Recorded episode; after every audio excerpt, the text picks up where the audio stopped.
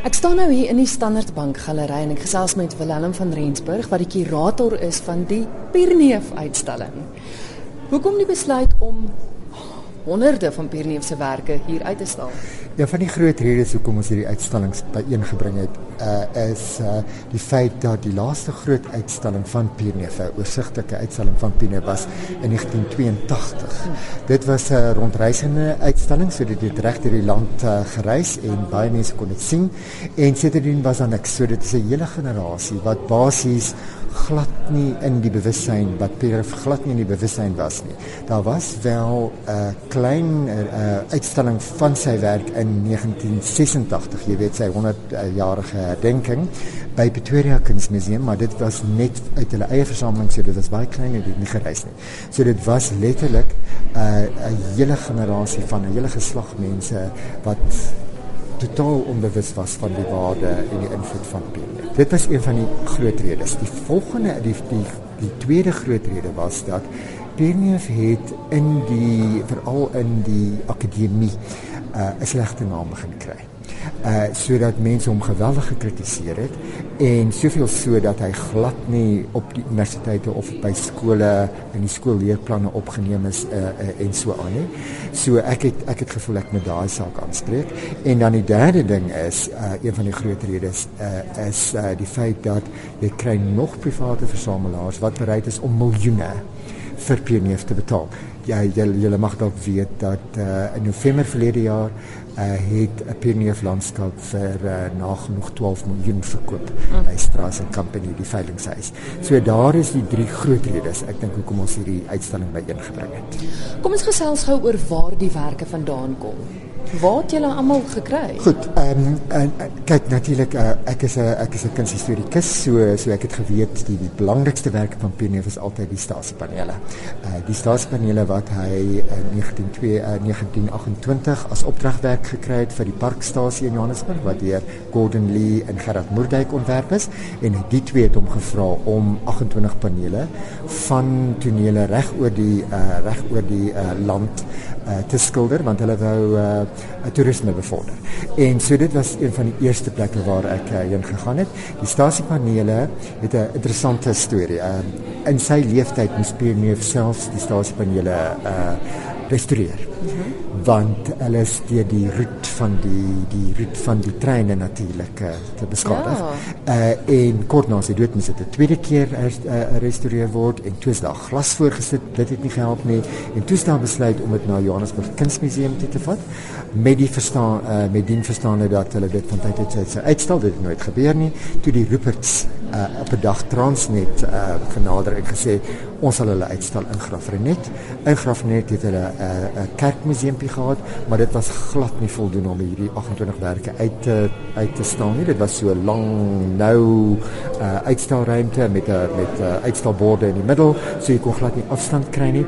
En toe net voor haar dood het die ou uh die Bertha Rupert toe besluit sy wil haar eie museum hê vir hierdie staatspanele wat sy toe opgerig het in Stellenbosch. Die is toe uh, geopen in 2005 en dis waar ons hulle gekry het. So dit was my eerste eerste stop. Dan was daar natuurlik ook uh uh die uh, kultuurhistoriese museum wat 'n ongelooflike versameling het.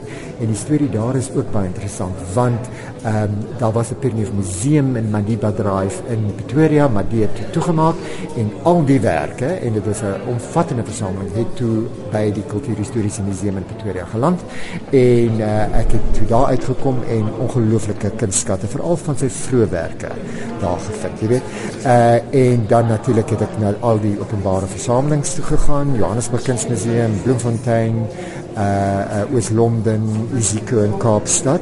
Uh en dan ek dink die ander groot en die oorgrootste meerderheid van hierdie werke kom uit private versamelings. En dit is maar by vir, uh, met uh, uh deur verwysing. Jy weet uh, uh die veilinghuise, uh, ek het deur hulle katalogusse geblaai en dan vir die mense gevra wie besit hierheen? Hulle het my natuurlik nie gesê nie want dit is nou vertroulike inligting, maar uh, dit het my nie geken nie. Ek het net vir hulle gesê vra vir die uh, versamelaars of hulle dit sou wel belangstel. So meeste van die versamelings het ek nooit self ontmoet nie. So dis deur die veilingshuise wat ek uh, toe 'n geweldige 'n uh, goeie versameling by een kon kry. Moet jy is interessant, dis geweldig baie sekuriteit. Dis mense wat hier rondloop. Daar's ook daar's ook strepe, jy mag nader aan 'n skildery is. Ek kan nie dink die mense moes seker versigtig gewees ja, om dit ja, natuurlik, natuurlik. Uh, ek dink die skilderye wat uh, op uitstalling is word uh, so tussen 25 miljoen verseker elk. Jy weet, so so dit elk. Oh. Ja, wat jy sien is uh, is uh, tussen uh, 5 en 20 miljoen elk. En natuurlik, jy weet, alles is verassereer en natuurlik moet ons die sekuriteit verskerp en uh, omdat die goed meeste van hulle privaat versamelaars is, moet ons natuurlik mm. maar voorsorgmaatreëls tref om die werk te beskerm. Maar ek dink dit is fantasties dat ons as kykers die geleentheid het om so baie van sy werk ja. te sien en ek staan ja. verstom oor hoeveel jong mense hier is. Ja, ja, dis die groot ding, jy weet, uh, dit was my hele doel om 'n nuwe geslag uh, uh kunsbewonderaars bloot te stel aan Penie want hulle kry nie die geleentheid. Jy weet, meeste van die Penies as jy na die openbare versamelings toe gaan, is in hulle stoorkamers. Jy weet, dit is uh, dit is nie polities korrek om Penie uit te staan nie. En hier is 'n interessantheid wat ek jou wil vertel. Een van die goed wat my geïnspireer het om die uitstalling saam te stel, was 'n kort verhaal deur Ivan Vladislavich weet nie jy hom ken nie. Hy's 'n bekende ja. bekende Suid-Afrikaanse skrywer. Hy het sopas 'n uh, 'n bundel kortverhale uitgebring, uh, 101 Detectives. In die bundel is daar 'n storie genaamd Mountain Landscape. En hy vertel die storie. Uh, ek dink dit gaan basies oor die die die uh bespultierige kuns uh, kuns uh, lewe in Suid-Afrika. Maar hy vertel die storie van 'n nuwe uh, departementshoof van 'n groot koöperatiewe maatskappy wat deur sy kuns adviseer uh die raad gegee word om die pionier wat agter sy lesenaar hang af te haal want dit is uh dit uh, mense sal snaaks daarna kyk want pionier is konsies nou 'n uh, uh, Afrikaner nasionalist en dit sal nou sleg reflekteer op die maatskappy. En die hele storie gaan uh is basies in die vorm van 'n brief wat hierdie direkteur skryf vir sy adviseur en vir haar sê luister ek gaan ek gaan die pionier agter my lesenaar hou Uh ek dink dis 'n briljante uh, skildery. Hier is my redes daarvoor, so ek gaan na jou luister. En uh, die ironie van die saak is dat hierdie is 'n swart direkteur gewees, jy weet. so uh so dit het my dit het my bygebly. Ek het ook was ook by magte om die skrywer te nader en wel die storie in my katalogus in te sluit wat ek dink is uh is absoluut fantasties. Die man met al die interessante stories is Willem van Rensburg. Hy is kurator van die Pierneef uitstalling hier by die Standard Bank Galery.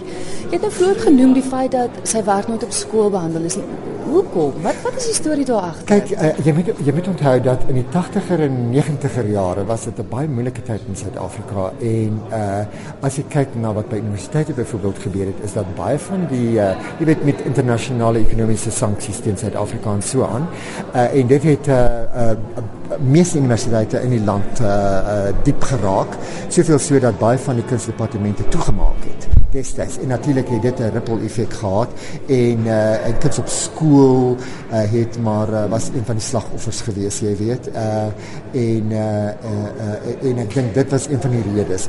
En ek dink in die nuwe bedeling toe uh, kuns en kultuur nou weer so bevorder is deur die nuwe uh, politieke uh, bedeling, uh, is daar toe nou weer uh, is hy toe nou weer ingesluit. Uh aanvanklik slegs net as 'n uh, verrykende materiaal. Jy weet so jy het na die internasionale style rigtings gekyk soos ekspresionisme, impressionisme, kubisme en alles en dan moes jy nou dan moes die kindersonderwysers nou na uh na uh, voorbeelde Suid-Afrikaanse voorbeelde wys en daar het jy ook Pieter se naam begin sien. Jy weet so so so op daai manier word hy nou deesdae wel ingesluit, maar hy is nog steeds 'n randfiguur.